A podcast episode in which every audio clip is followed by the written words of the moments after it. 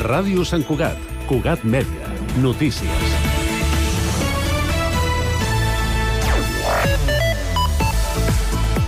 Bon dia. Abans de prendre possessió del càrrec, les regidores i regidors de l'Ajuntament estan obligats per llei a registrar dos documents de caràcter públic. Un és una declaració d'incompatibilitats i activitats que els puguin proporcionar ingressos i l'altre és una declaració de béns patrimonials dels quals són propietaris i la participació de societats. Cugat Mèdia ha recollit aquesta informació en un sol document que es pot consultar a www.cugat.cat.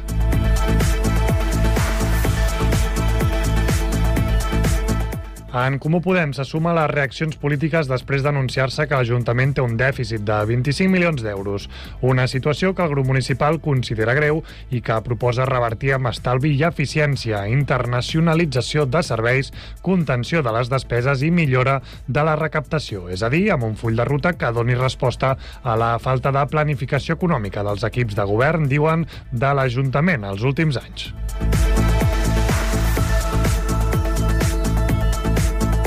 Antònia Font anuncia una nova gira per teatres i auditoris i la seva primera parada serà a Sant Cugat. Segons avançat el cantant del grup, Pau de Bona, al matí de Catalunya Ràdio, serà el 26 de gener al Teatre Auditori donarà pas a una vintena d'actuacions. Les entrades es posaran a la venda el dimarts 3 d'octubre a les 11 del matí.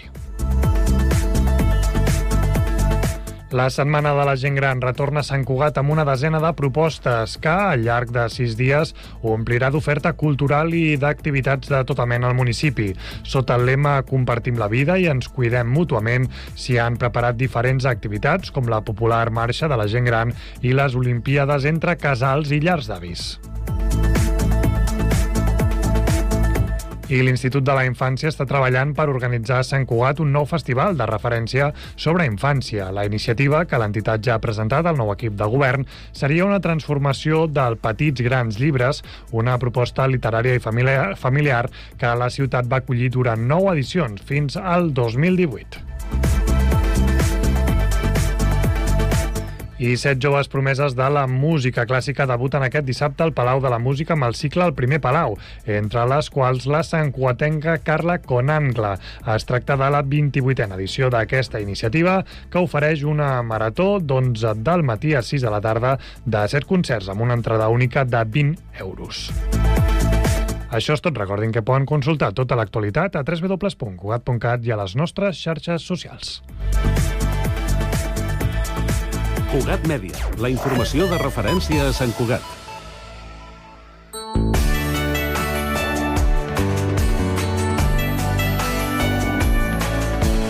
Ràdio Sant Cugat, Cugat Mèdia, 91.5 FM. Hora Sant Cugat, a Cugat Mèdia. Entitats, a Ràdio Sant Cugat. Molt bon dia, són dos quarts d'onze del matí d'aquest dimecres 27 de setembre de 2023. Comença el programa Entitats.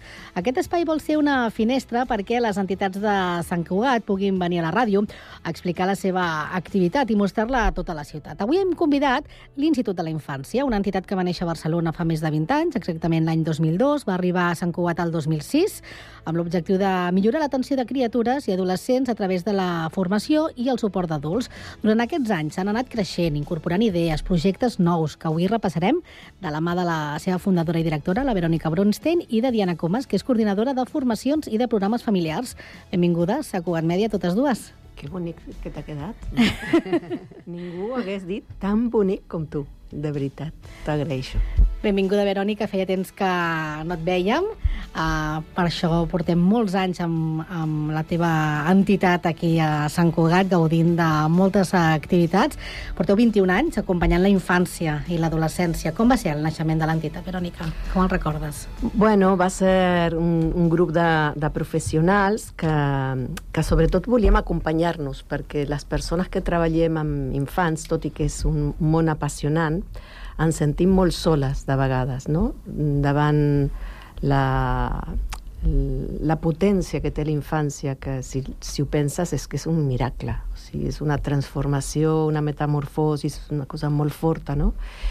I quan tu t'apropes i treballes amb aquestes emocions i acompanyant, necessites també tu un suport, no? I volíem acompanyar-nos, i a més amb una mirada molt multidisciplinar, no? Perquè de vegades jo venia del camp de la psicoteràpia, però bueno, havia pediatres, havia treba treballadors socials. En aquesta època eh, vam començar amb la idea de bueno, fer estudi i recerca i, i conversa al voltant d'un tema que ens interessés, però sempre tornant després a la societat algun, algun resultat d'això. No?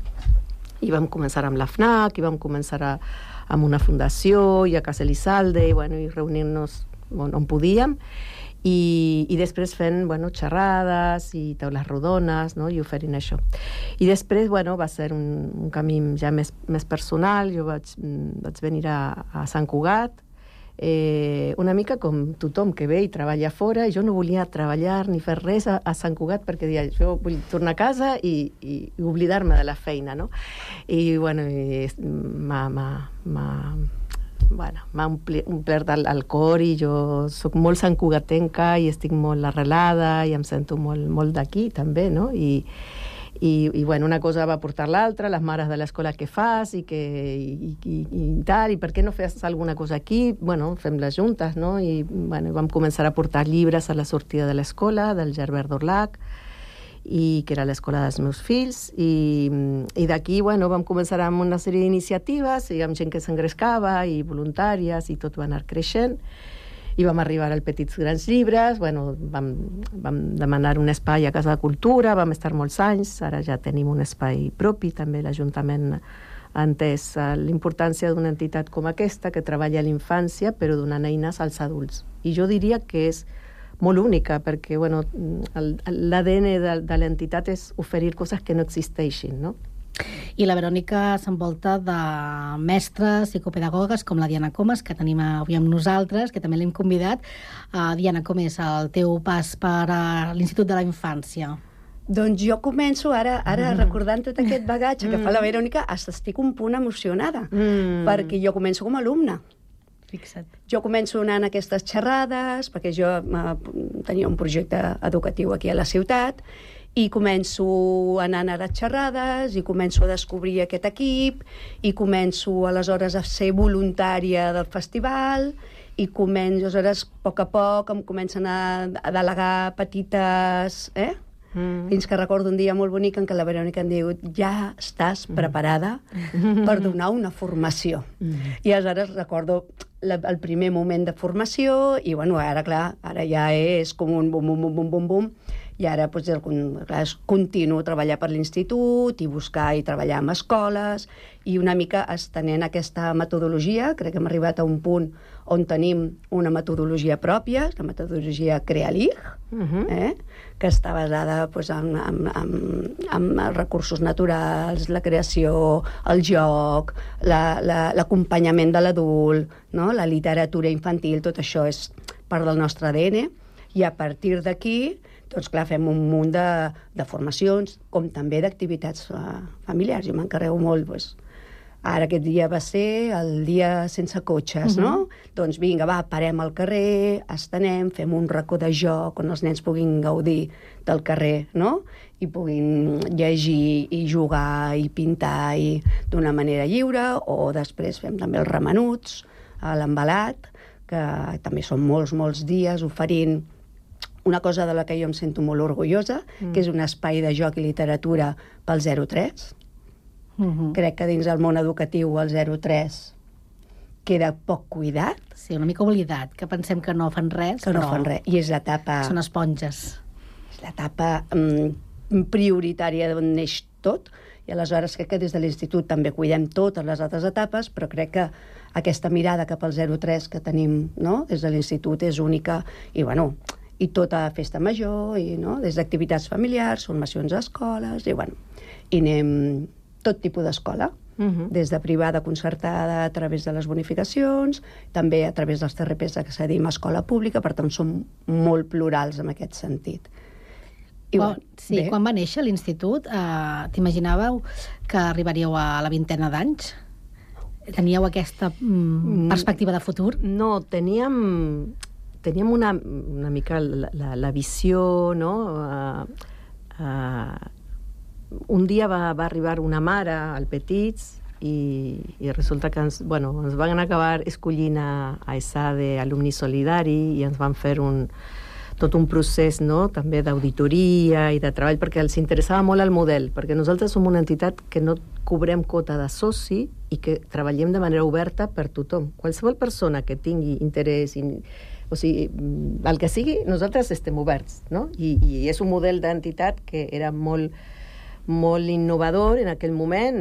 Jo diria que tampoc han sorgit moltes entitats d'aquest tipus. En un moment també estem en una època que, que hi ha una crisi de, de les entitats. De, jo pago quota de soci per jugar la, al que sí. No diré noms per, per no parlar de ningú, no? Però clar, això ja s'ha acabat. La gent no té fidelitat a una entitat, no? Va on, on, on, on rep un tipus de servei o d'atenció, d'acompanyament. I, i, I tot això en aquell moment va ser molt innovador i, i vam treballar molt aquest, aquesta idea de la missió i la visió, però jo no, no... Sí que jo volia ser referent. Aquesta era la meva idea, no? Ser referent, perquè per crear una entitat més tampoc es tracta d'això si no me'n vaig a l'entitat que... Però jo no trobava una entitat que... I la gent que s'apropa tampoc la, la, la trobava, no? I és veritat que, que hem tingut voluntàries que han passat una crisi vital, una mare que s'ha divorciat, una dona que, mira, tinc el niu buit i, i, i, i em sento molt sola i, i bueno, els divendres a Casa de Cultura han sigut no, com també de fer suport a moltes dones de la ciutat. De fet, som una entitat de dones amb alguns homes, però els homes tenen alguna, algunes funcions molt determinades, però, però les dones són, som les que estem en el dia a dia i portant el projecte, no? I, Bueno, jo no m'imaginava, per això ha sigut en una època que no es parlava d'entitats de dones, fa 20 anys, no? O sigui, coses que han sigut com petites revolucions, la veritat és que sí. I, i bueno, jo crec que sempre tenim com aquest punt no? d'anar una mica més enllà. Ara parlàvem d'un projecte, no? I, bueno, però ha de ser una cosa que, que, no? que sigui diferent, que marqui diferència, que, que no? un, posar un nivell una mica, el llistó una mica més, més alt del que hi ha. I, I aquesta exigència, bueno, no és fàcil, són 20 anys amb aquesta exigència també, no? De sempre sorprendre i de sempre fer coses que siguin diferents i amb molt de nivell, molta qualitat. I, i bueno, i és una cosa que és un, et dona molta adrenalina, no? És molt bonic. És molt bonic veure també la transformació de les companyes, no? Tota la gent que, que està ara col·laborant en tarees de docència o la Núria que està a, a, al Centre de Recursos de Literatura que tenim a la ciutat, són persones que han vingut i han començat i han fet una transformació. I a mi, jo crec que l'orgull que jo tinc és, és aquest, no? La, haver vist mm, talent en gent que, que està en escoles de la ciutat, totes elles estaven en escoles de la ciutat, però que estaven fent unes tasques dins d'una escola i, i treure, no?, i que, i que tothom una mica gaudeixi no?, d'aquesta gent. I aquesta transformació també l'heu vist en la infància i les famílies en aquests 20 anys? Com ha canviat mm -hmm. tot plegat? Perquè...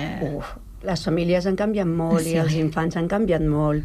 I ha canviat molt, si em permets també, el, perquè una de les tasques que nosaltres fem és a, acompanyar mestres, i en 20 anys ha canviat molt el rol de mestre sí. d'una mestra que era la protagonista de l'aula i ha donat el protagonisme als infants i això ha canviat el perfil d'infància tant de les famílies com de les aules i les estances.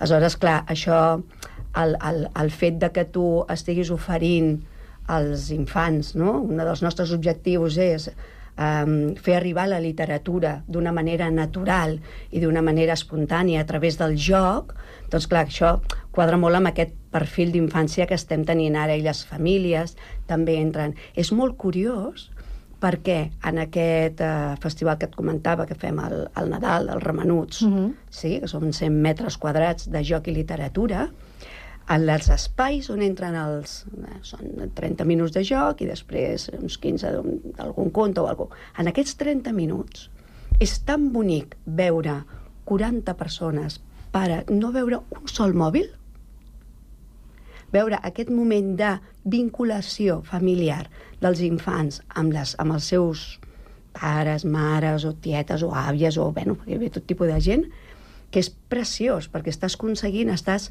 oferint moments únics als infants, però ha de ser a través d'això, de respecte a la infància, I respecte és un, un, un espai molt pensat, és el que deia, no?, amb aquests criteris de qualitat, molt ben pensat, molt ben posicionat, amb, amb, amb un respecte que els infants de seguida que entren no, ho noten, eh? i molts d'ells fan uau, no?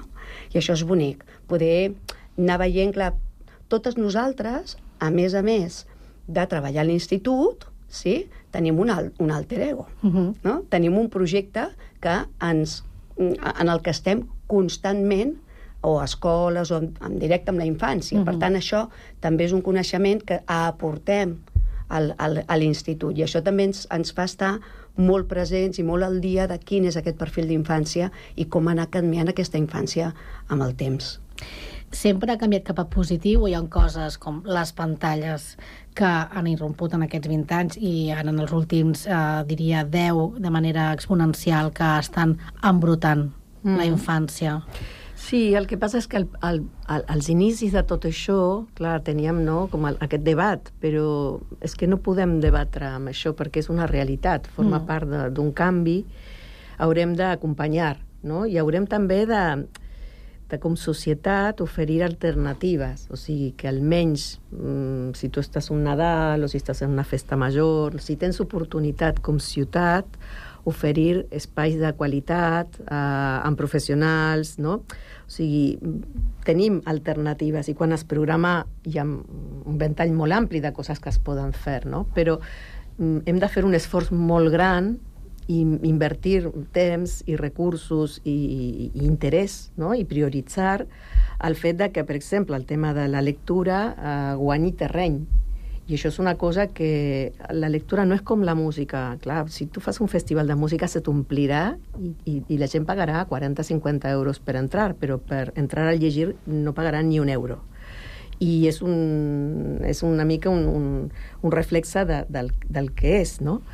Això vol dir que hem de fer un esforç molt gran a nivell de ciutat, per mantenir aquest tipus de projectes, que és una cosa que, bueno, hem tingut, nosaltres hem, hem batallat molt i, i, i tothom ho sap, o sigui, no ha sigut gens fàcil, Uh, estem també en un procés ara de reflexió, no? de tornar a entendre que la prioritat que té, perquè a més els nens, parlant de canvis, la comprensió lectora en nens més grans i adolescents ha baixat molt a partir de la pandèmia, però no només, també per temes de, de telèfons i, i tota la part tecnològica, i eh, l'accés a, a, a parlar dels nens petits també. Mm, bueno, tenim nens... L'altre dia estava en una escola i hi havia nens de 5 anys no enteníem el que parlaven, no vocalitzaven. Mm. I no un. No, molts. Molts. Molts. O sigui que és una cosa que parlar, comunicar-nos, escoltar-nos, mirar-nos als ulls, o sigui, eren exercicis que fèiem amb els nens espera, espera, no? Mm, respectem el torn de paraula, però mirem l'altre quan parla, no? I, I quan algú parla de coses que són d'ells, hem de, no? és un nivell també d'intimitat que hem de valorar quan algú t'explica alguna cosa que passa a casa seva. Bueno, clar, a, a la comunicació que hi ha a, al voltant d'un telèfon, tu no discrimines el que és públic, el que és privat, no? D'intimitat, la generositat de qui t'explica alguna cosa que li està passant. I és un exercici que hem de fer i hem de militar molt en aquest tema. Tu molta raó. Digues, Diana, que anaves a afegir Anava a dir que en, en el, estava, jo estic totalment d'acord. En el 03, per exemple, s'ha notat una davallada del llenguatge i de la comunicació mm, espectacular, però espectacular. O sigui, una cosa que preu, preocupant, preocupant perquè trobes nens que inicien el, el, el, la, la segona etapa d'educació infantil on pràcticament no hi ha llenguatge, hi ha 10-15 paraules. Això jo amb 33 anys que porto en educació no ho havia vist mai. Clar, el fet de que tu estiguis proporcionant eines a les famílies i als, i als docents eh, per poder treballar o treballar o, o, o, o sí, treballar el, a, aquesta comunicació no? amb els infants a través de literatura, a través de contes, no? a través de, a través d'eines, de com... Ostres, això és una, això és una, això és una cosa que tenim a l'institut, eh? i és un, un tresoret que, que, ostres, et fa molta il·lusió cada cop que veus una família que dius mira, doncs aquest conte el vam descobrir allà i l'hem comprat, o aquest conte, mira, el vas portar i aleshores ara l'he comprat per les nens i els nens em demanen que expliqui contes a l'aula. Clar, El llenguatge és un aprenentatge que és purament... Eh, només eh, s'aprèn per imitació. Uh -huh. Per tant, un nen només parla si se li parla. No? I les pantalles doncs, tenen aquest, no? aquest punt de que no parla ningú o qui et parla no és una comunicació uh -huh. real, no t'està mirant als ulls, no estàs veient la boca, no és només un, un tema auditiu. També hi té molt... A, a... Bueno, el vincle, no? Sí, hi ha un El- el vincle, vincle. I hi ha també tota la part de, de l'articulació de les paraules a través de, de, de l'observació de, la, de la boca. Bueno, ja, o sigui, no, no em serveix un mòbil perquè li parli a un nen. Ha de ser algú, no? Algú Mm. que estigui vinculat al, al nen, sobretot a les primeres etapes, perquè aquesta comunicació flueixi i aquest nen aprengui a, a comunicar-se. Tan important. L'Institut de la Infància ha fet molta feina en aquests anys, ha estat molt vinculat amb moltes activitats de Sant Cugat. Sant Cugat sempre s'ha dit no? que és la ciutat de la infància perquè hi ha moltes famílies, moltes criatures. Està a l'alçada Sant Cugat com a ciutat, les administracions d'aquests 20 anys, eh, entenent això i acompanyant a entitats com la vostra? Mira, jo només et respondré, perquè jo podria dir moltes coses. en 20 anys he vist, he escoltat moltes coses. Mm, he lluitat molt. Eh, però jo només et diré que miris uh, la campanya, la campanya electoral. Quan, quan ha sortit... O sigui, que, qui, quanta dedicació hem tingut a la idea dels infants i quin percentatge tenim de població infantil i, i d'adolescència. Um, bueno, amb això jo et diria, però dit això, tenim un alcalde que sempre ha tingut molta sensibilitat i jo tinc molta esperança. De fet, vam veure fa recentment una fotografia amb l'alcalde, Mm. amb vosaltres, ja heu anat a l'Ajuntament, eh, s'han fet els primers contactes, que em sembla que estava una mica, potser, fora de l'anterior equip de govern, no us havíem vist tan actius, com a mínim. Amb ells i amb aquest eh, nou alcalde, sí. Per tant, sí que hi ha esperança. No sé Mm. si hi ha alguna cosa en ment, fins i Sí, tot. sí, jo no parlaré del que ha passat, t'ho- estic responent. Al no Mhm. parlar, evidentment, sí que puc dir que amb la Mercè Conesa hem tingut una molt bona sintonia, però no acompanyava l'equip. Eh, però sí que ella s'ha posicionat i ha defensat públicament el projecte, la necessitat i l'envergadura del que nosaltres fèiem. Però l'equip potser que... Bueno, I nosaltres també no ho posem fàcil perquè som molt transversals, o sigui, un nen, nosaltres diem, un nen, clar, no tenim una regidoria d'infància com tal, i si l'hem tingut dins d'altres regidories, no tenien, mm, no tenien ni pressupost, ni tenien tècnic de referència, o sigui, era com si estava el nom i estava tot buit. Uh, què passa? Que nosaltres el que reivindiquem és que l'infància és cultura, és educació, és medi ambient, és urbanisme, és ciutat, és tot, és tot. I el que cal és treballar de manera transversal. Això és difícil, però bueno, de vegades igual. Eh, Hem, hem treballat molt en medi ambient, per exemple, al principi treballàvem en medi ambient, no treballàvem ni a cultura, ni a educació, Bueno, tenim, tenim, jo crec que tenim educació pendent, és una cosa que l'Ajuntament s'ha de plantejar perquè bueno, no treballem del tot, del tot amb educació i, i és, és un, un espai... Amb... Però bueno, cap problema, si no treballem amb educació podem treballar amb, amb cultura i amb cultura estem treballant molt bé. I això, dic això perquè no és una reivindicació ni res, simplement és una realitat i crec que parla de l'esforç no? de, de trobar un espai de- d'entesa de, amb una entitat que, que és transversal, que treballa bé, que ofereix moltes coses. Nosaltres, quan tenim reunió a l'Ajuntament, no, ells estan preparats a veure què demaneu. I nosaltres sempre diem, nosaltres venim a oferir, no venim a demanar. I, de fet, fa temps que no tenim pressupost. Mm, amb, amb l'Ajuntament no tenim subvenció, ens, o sigui, hem tingut uns anys molt, molt mm, de solitud, podríem dir, però hem, hem continuat treballant, o sigui, bueno, estem molt agraïts, tenim l'espai, és un espai que, que nosaltres eh, estava per ocupar-se, la realitat era aquesta, estava gairebé abandonat, i bueno, si ara entreu farem la, farem la inauguració ben aviat, i és una delícia tenir un, un equipament i ha sigut el treball de molta gent que, que, bueno, que hem fet un, miracle, no? Bueno, hem de, jo crec que, que l'assignatura pendent és, és tenir una entesa que confio que, que amb, amb l'alcalde la tindrem perquè ell des del tot sempre ha valorat la tasca que es feia i vull pensar que, que serà així, que continuarem bueno, mm, simplement no és una qüestió de, de, de personal, és una qüestió ni política ni ideològica, és una qüestió de, de, de, de trobar-te amb persones que des de la política entenen el treball que s'està fent, no? I que no, que no és una entitat que, ui, ara que, que vindran a... No, sé, no, és una oportunitat. El que es fa a Sant Cugat és referència, o sigui que el que es fa a l'envelat 03 de literatura uh, venen ajuntaments i després ens contracten per fer-ho fora de la ciutat. El que estem fent de metodologia Crealig, uh, que, que ha nascut a la ciutat, ara ho estem implementant al Ministeri d'Educació de l'Argentina. Es farà a les escoles d'Argentina, vull dir, acabo de tornar d'Argentina que estem treballant en això, vull dir, Uh, tenim una alumna Alemanya, catalana, que viu a Alemanya, està implementant la nostra metodologia a Alemanya, a Escola 03 passen coses molt xules a la ciutat i això s'ha de posar en valor. On està aquesta nova ubicació que dèieu? Estem a Can Mora, estem a Can Mora número 11, i, i qualsevol persona que ho vulgui, que necessiti, que vulgui contactar, sempre ens envia un mail perquè no estem de manera permanent, ja ens agradaria, però no tenim pressupost per tenir una persona permanentment i, i bueno, ens pot eh, escriure a institutdelinfància.gmail.com i, i nosaltres rebem gent que ve de fora de la ciutat, de la ciutat, d'escoles de la ciutat. Tenim mestres que de vegades volen venir a veure perquè tenim un espai muntat, un, un showroom molt bonic, és un espai, un laboratori, i està el material, treballem amb 25 editorials que portem a la ciutat a través de convenis, o sigui que bueno, tenim, tenim el Centre de Recursos de Literatura, que és una cosa molt única, perquè la veritat és que és preciós tot el que hi ha.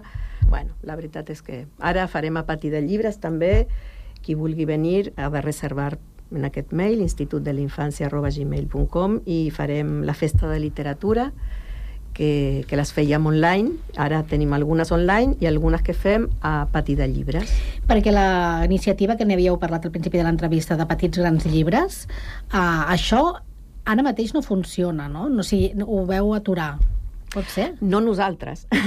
no nosaltres, la, la, la desatenció, perquè quan tu treballes amb infància i cultura necessites sempre una altra pota, que és l'administració per petita que sigui, sigui un ajuntament, sigui la Generalitat, sigui qui sigui. I si això no està, és molt difícil, perquè, clar, un, tot això comporta un pressupost, un treball de nou mesos. I, i bueno, i s'ha de... Només l'assegurança són 1.000 euros.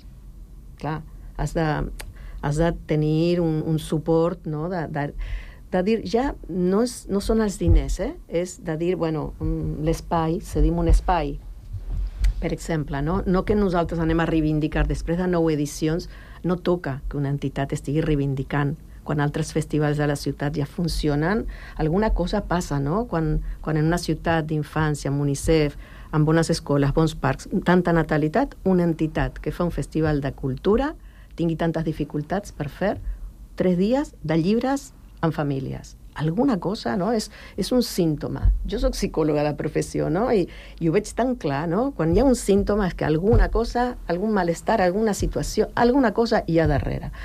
I, bueno, i hem de pensar-ho així, evidentment. Mm, bueno, hem tingut un ajuntament que... I, i no, val, no val cap excusa perquè nosaltres hem treballat sense pressupost, uh, sense espai, perquè ens hem anat a... Uh, no teníem espai i ens hem anat a... Um, a, a, com es, al mercantic, o sigui, el mercantic ens ha obert les portes. Hem fet de tot, fins i tot sense l'administració i sense espai, però amb una mica, no?, que, bueno, va, us ajudem en el que es pugui. Però això no s'ha tingut, no? Crec que, que, que hi, ha, hi ha hagut fins i tot, bueno, un tracte que no... Però bueno, mirem cap, en, cap endavant, uh, hi ha una, un, una idea de transformar aquest, aquest festival, posar-ho al dia també. I... Sí, l'objectiu és que torni diferent. Que torni diferent i mm. tenim, tenim, tenim el projecte, tenim les ganes i, bueno, fa falta ara conversar i una mica com una parella, no?, de tornar a, a, a sentir-nos bé l'un a l'altre, no? Hem tingut com una mica de, de, de crisi a nivell d'administració, mai ha sigut fàcil, hem passat per tot, però bueno, ara jo crec que també ens mereixem, no? Ens mereixem mm, un respecte, un, un carinyo i, i admirar el treball que, que s'ha fet i que, i que es pot que es pot fer. I els objectius, per acabar l'entrevista, els objectius de futur a mig termini és uh, que podeu obrir aquesta, mm, aquesta nova seu, la inauguració i aquest nou projecte, serien aquests els... Eh, Sí, ara, bueno, uh, farem inauguració. Uh, nosaltres volíem inaugurar quan totes les condicions estiguessin uh, una mica alineades, no? Quan realment amb l'administració ens miréssim als ulls, que, que, que vingui algú a inaugurar i que senti uh, caliu, no? Jo l'altre dia li deia a una regidora hem de passar de la ciutat de qualitat de vida a la ciutat amb caliu. Jo necessito caliu de, de, de qui em governa, de qui hagis escollit o no hagis escollit, però que, que està governant i que té una responsabilitat. Volem caliu i volem que qui vingui a inaugurar senti aquest caliu amb nosaltres, no? perquè si no, no té sentit. I ha sigut una mica una obra com la Sagrada Família. Hem fet una part, ara tenim una altra part que, que, que es farà. Volem inaugurar, volem tornar a, a tenir un, un festival de referència sobre infància, ho posarem aquí, no? Mm -hmm. Un festival que reuneixi adults per parlar de la infància. Eh, i el que volem també és que les escoles s'enriqueixin, no? Les escoles mm. de la ciutat, pensem que tenim, hem, hem, hem treballat en un conveni amb, amb una fundació per oferir formació gratuïta a les escoles privades i concertades. Totes les escoles de la ciutat privades i concertades poden tenir formació de qualitat. Això és mm, fantàstic, sí. no? de vegades són formacions que no són econòmiques i, i, bueno, i ho, ho hem aconseguit. Sí. Uh, I amb la, amb, la, amb la pública a través del CRP també, no? que això tenen accés. Mm. Així que, bueno, jo crec que, que són coses molt maques per la ciutat, per, pels infants, de transformació, d'acompanyament, bueno, mm, i, i amb, amb, bueno, amb molts projectes. Si tu... Continuar, bueno, objectiu, continuar acompanyant a la infància, des de tots els frentes, eh? Mm -hmm.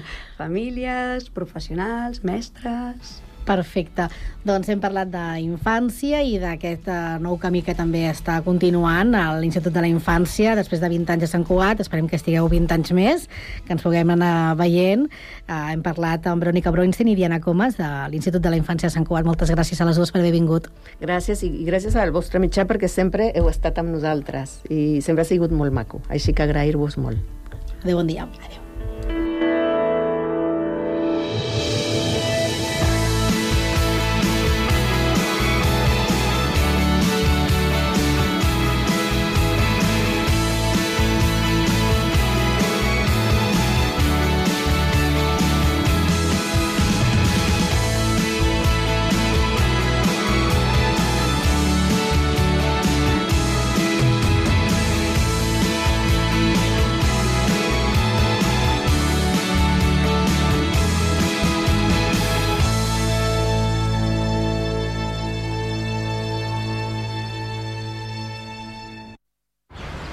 Estàs pensant en posar plaques solars a casa teva? Doncs passa't a l'energia solar de manera fàcil i segura amb la teulada, experts en energia solar i el nou espai d'assessorament per a la ciutadania i les empreses. Informa't a la teulada arroba amb.cat o contacta'ns per WhatsApp al 645 725 Caramelles amb la Societat Coral La Lira. és un servei de l'AMB, finançat amb el Fons Europeu de Desenvolupament Regional. AMB, Metròpolis de Barcelona.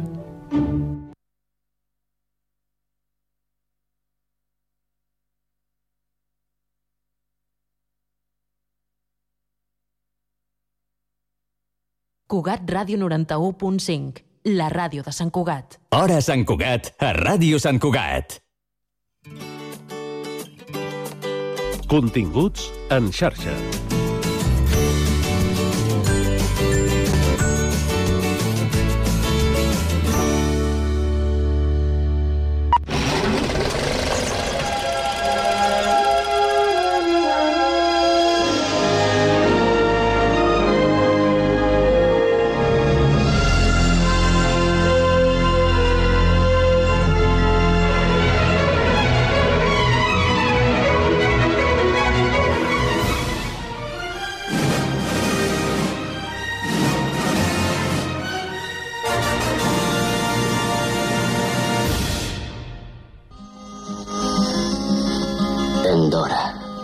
Es un pueblo donde nunca pasa nada. Yo vivo en esta casa con mi familia. Los médicos dijeron que Arnie no llegaría a cumplir los 10 años. Puedo morir en cualquier momento. Arnie, ¿por qué no te callas? Algunos días deseas que viva. Gilbert, mátalo. Por favor, baja de ahí. Y otros días no. ¿Cuándo va a acabar esto? Y luego está mamá. La de ahí dentro es mi mamá. Mamá ha cambiado mucho.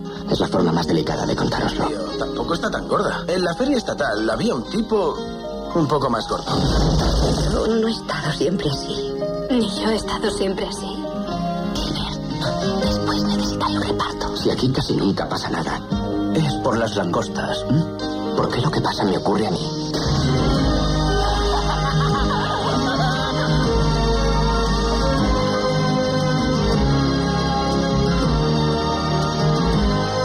Veces deseo meter su cabeza en el horno y abrir el gas. No tengo a dónde ir. Oh, Gilbert, por favor, no desaparezcas. Te vamos a encerrar. No volverá a ocurrir, lo prometo. Dicen que hay una razón para todo. ¡Mi hijo! ¡Dame a mi hijo! Puede que algún día descubra cuál es. Mira, es una mantis religiosa. ¿Sabes cómo se aparean? El macho se monta sigiloso sobre la hembra. Ella le arranca la cabeza de un mordisco, pero el resto de su cuerpo sigue apareándose. Y cuando han terminado, ella se lo come. Hola, amics. Això és Cinema a la xarxa i qui us parla és en Víctor Alexandra. Aquestes veus que, que ara sentíem són personatges de la pel·lícula A qui estima Gilbert Grape, una pel·lícula de l'any 1993 dirigida per la C. Hallstrom i protagonitzada per Johnny Depp, Juliette Lewis, Leonardo DiCaprio i Mary Steenburgen. Eh, hem començat així perquè avui dedicarem el programa a l'autisme i a pel·lícules que han abordat aquesta qüestió. L'autisme és una alteració del desenvolupament de tot un conjunt de funcions del sistema nerviós central que repercuteix negativament en àrees específiques com la cognitiva, la social o la comunicativa.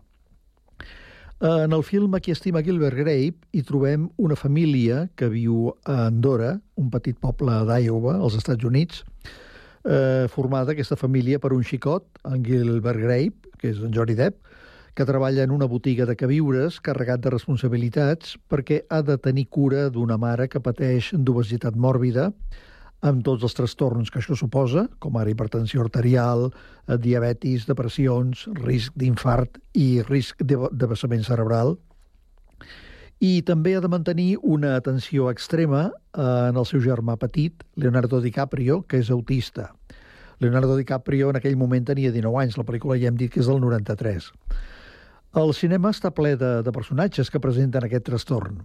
Eh, en trobem el film Coratge per estimar, de l'any 90, amb Brooke Shields i Antoni Franciosa, sobre un matrimoni amb un fill amb aquesta patologia que no sap com l'han de tractar. Van perduts. Un altre film és Em diuen ràdio, del 2003, amb Cuba Gooding Jr., Ed Harris i Deborah Winger. Eh, ràdio és el nom d'un noi autista, però que tothom considera retardat. No autista, sinó retardat, perquè no parla amb ningú i viu immers en un món particular on només hi ha lloc per a la ràdio i la música. Però un dia l'entrenador de futbol de l'institut es proposa fer-se amic seu i obrir una escletxa en aquell món tan hermètic i el noi comença a canviar. No quisiera ser indiscreto, pero me gustaría preguntarle qué le pasa exactamente al chico. Los médicos no supieron decirme lo que era. Dicen que es igual que todo el mundo, pero un poco más lento que la mayoría. Tengo un hijo mayor, Walter, y él está bien. ¿Y el padre? Murió hace bastante tiempo. Lo lamento. Aquí hay mucho trabajo. Me hacen trabajar 10 horas al día en el hospital, algunos días más. Así que la mitad del tiempo me pregunto dónde estará y siempre estoy preocupada. Tengo miedo de que cualquier excusa sea suficiente para encerrarle. James es un buen chico entrenador, tiene un gran corazón. A la mayoría de la gente no le da tiempo a verlo, eso es todo. James. Uh -huh. James Robert Kennedy. Gracias, señora. Aquesta pel·lícula, em diuen ràdio, està basada en la història real de James Robert Kennedy, un noi nord-americà nascut en un poble de Carolina del Sud, el 1946, a qui tothom diu ràdio perquè es passa el dia escoltant la ràdio i la porta a tot arreu on va. Quan es va fer aquesta pel·lícula sobre la seva vida, eh, James Robert Kennedy ja no era un noi. Ja tenia 56 o 57 anys i va morir el 2009 quan en tenia 73. Mm, la Federació Autisme de Catalunya explica que l'espectre autista és un trastorn neurològic del desenvolupament que afecta unes 75.000 persones a Catalunya, en major o en menor grau i que en el 70% dels casos hi ha discapacitat intel·lectual associada de grau divers. Afecta una de cada 100 persones, especialment homes. La proporció és de 4 homes per cada dona. Um, cinematogràficament parlant, moltes de les pel·lícules que s'han fet sobre el tema aborden el tema infantil i adolescent en el context familiar, perquè hi ha molts pares i mares que, que se senten perduts en aquesta te temàtica. I és que els signes més visibles del trastorn es donen a l'escola des del parvulari, que és on es detecta la manca d'interès mm, d'aquests nens per altres infants. Eh, per exemple, el fet que no acostumen a mirar l'expressió de la cara de la persona amb qui parlen, o que la seva manera de parlar és molt esquemàtica, o que no els agrada el contacte físic, o que tenen molt desenvolupats els sentits del gust, del tacte, de l'olfacte o de l'oïda, o que no fan cas quan els criden i els adults es pensen que, que, que, no, que, no, que no fan cas perquè no, no hi senten. Els especialistes recomanen que les famílies que observin aquestes manifestacions en els seus fills mirin de trobar assessorament mèdic. L'any 2001 eh, a la pel·lícula Em dic Sam, l'actor Sean Penn va interpretar un home adult que té l'edat mental d'un nen de 7 anys i que ha tingut una filla. Les autoritats consideren que no està capacitat per fer-se càrrec i ell, que no hi vol renunciar, recorre els serveis d'una advocada per aconseguir-ho. L'advocada, que és Michelle Pfeiffer, es mostra molt empàtica al començament, però a mesura que el va coneixent, ella va canviant d'actitud i de paràmetres. Es que lo he intentado, me he esforzado. Continúa luchando. No, porque tú no lo sabes, tú no puedes saberlo. ¿Qué es lo que no sé? No sabes lo que es intentarlo e intentarlo una y otra vez y otra vez y otra vez y no conseguirlo nunca.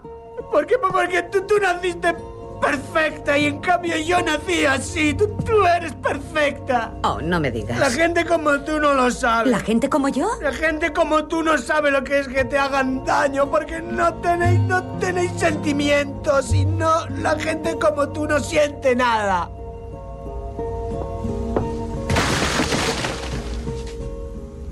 ¿Crees que tienes la exclusiva del sufrimiento?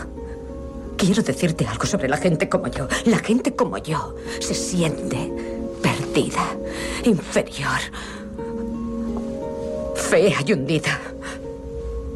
La gente como yo tiene maridos que se acuestan con otras muchísimo más perfectas que yo. La gente como yo tiene hijos que la odian. Si le he gritado, le he gritado cosas horribles. Tiene siete años y le he gritado por no querer subirse al coche al ir a recogerle. Y noto que me mira. Con tanta ira que termino odiándole. Sé que te estoy fallando, sé que te he decepcionado y sé que mereces algo mejor, pero sube ya al coche. Es, es como si cada mañana al despertar me sintiera el fracaso. Porque alrededor todos parecen conseguirlo, pero por alguna razón yo no puedo. Aunque lo intente. No sé por qué, pero nunca seré suficiente. Claro que lo eres. Eres más, mucho más que suficiente. Adorable Rita. Per la seva interpretació en aquesta pel·lícula, amb Dick Sam, Sean Penn va estar nominat a l'Oscar. Una altra pel·lícula sobre l'autisme és Un viatge inesperat, del 2004, amb Mary Louise Parker i Aidan Quinn, sobre una mare soltera que descobreix que els seus fills bessons, de 7 anys, són autistes. Eh, tot això, tot i això, en lloc d'enfonsar-se, de, aquesta mare procura que tinguin una vida normal i quan són adolescents es matriculen en un institut gràcies a la dedicació d'un professor especialitzat en temàtica autista. Una altra pel·lícula sobre aquesta qüestió és Temple Grandin, del 2010, amb Claire Danes i Julia Ormond. Temple Grandin, eh, Mary Temple Grandin, per ser precisos, és el nom d'una dona autista de debò, real, nascuda a Boston el 1947, que actualment té 75 anys i que és professora de la Universitat Estatal de Colorado. Ella es va doctorar en ciència animal a la Universitat d'Illinois, és zoòloga i defensora dels drets dels animals, és molt combativa contra el maltractament i l'explotació animal que en fa la indústria ramadera, ha fet un munt de conferències narrant el seu propi trastorn i ha publicat llibres d'assaig sobre aquests temes i també, per descomptat, sobre l'autisme. Eh, sobre l'autisme publicat com ara Emergència, eh, el, títol és, el títol és Emergència etiquetat com a autista. Emergència etiquetat com a autista. Un altre llibre d'ella és L'estil d'aprenentatge de les persones amb autisme. I un tercer llibre seu és Autisme, estratègies per millorar la comunicació i la socialització. Mary Temple Grandin ha fet una tasca immensa de divulgació de l'autisme. Pensem que va publicar la seva autobiografia en els anys 80, quan en tenia 39 o 40, eh, que, que, que era una època en què de l'autisme la societat en sabia tan poc com de l'Alzheimer. Ara, en aquest moment, Temple Grandin és molt coneguda i respectada en aquest àmbit perquè, gràcies a la seva capacitat d'introspecció, ha sabut explicar amb tot detall, minuciosament, el que suposa viure amb autisme. Quan tenia 3 anys, Mary Temple Grandin, un metge, va dir, va, va dir als seus pares, va comunicar als seus pares que la noia patia un dany cerebral – i, és clar no va ser fins que ja era una dona adulta que li van diagnosticar correctament el seu autisme. Fins a aquell moment els pares es pensaven que, que tenia això, un mal cerebral, res d'autisme. Com he dit, el 2010 eh, se'n va fer una pel·lícula eh, sobre ella. És una pel·lícula molt bona i que us recomano. Es diu així, Temple Grandin. Una altra pel·lícula, una pel·lícula molt famosa sobre l'autisme, és Rain Man, del 1988, de Barry Levinson, amb Dustin Hoffman i Tom Cruise. Aquí hi trobem un xicot, Tom Cruise, força egoista, que frisa per cobrar l'herència que ha deixat el seu pare en morir i que justament arran d'això se, perdó, s'assabenta que té un germà amb autisme, que és en Dustin Hoffman, que no coneix perquè eh, en Dustin Hoffman, el noi, s'ha passat la vida interna en un centre especial. Aleshores, tots dos emprenen un viatge junts a través del país per cobrar l'herència del pare. I és en aquest viatge que el germà autista es mostra com un geni en el camp de la memòria i del càlcul matemàtic. Nosaltres tancarem aquest cinema a la xarxa que ha tingut Oriol Coromina, les vies de so, i que hem dedicat a l'autisme, escoltant precisament una de les cançons de la banda sonora de Rainman. És una cançó dels Beatles, I Saw Her Standing There. La vaig veure allà aturada. Well,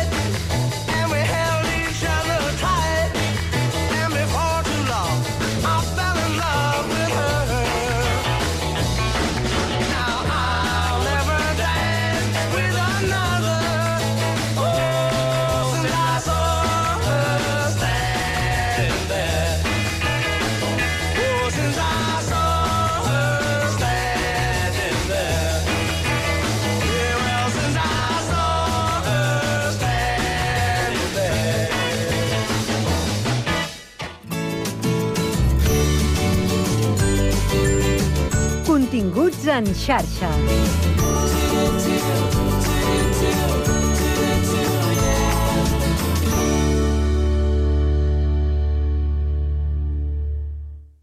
La banda sonora de la teva vida.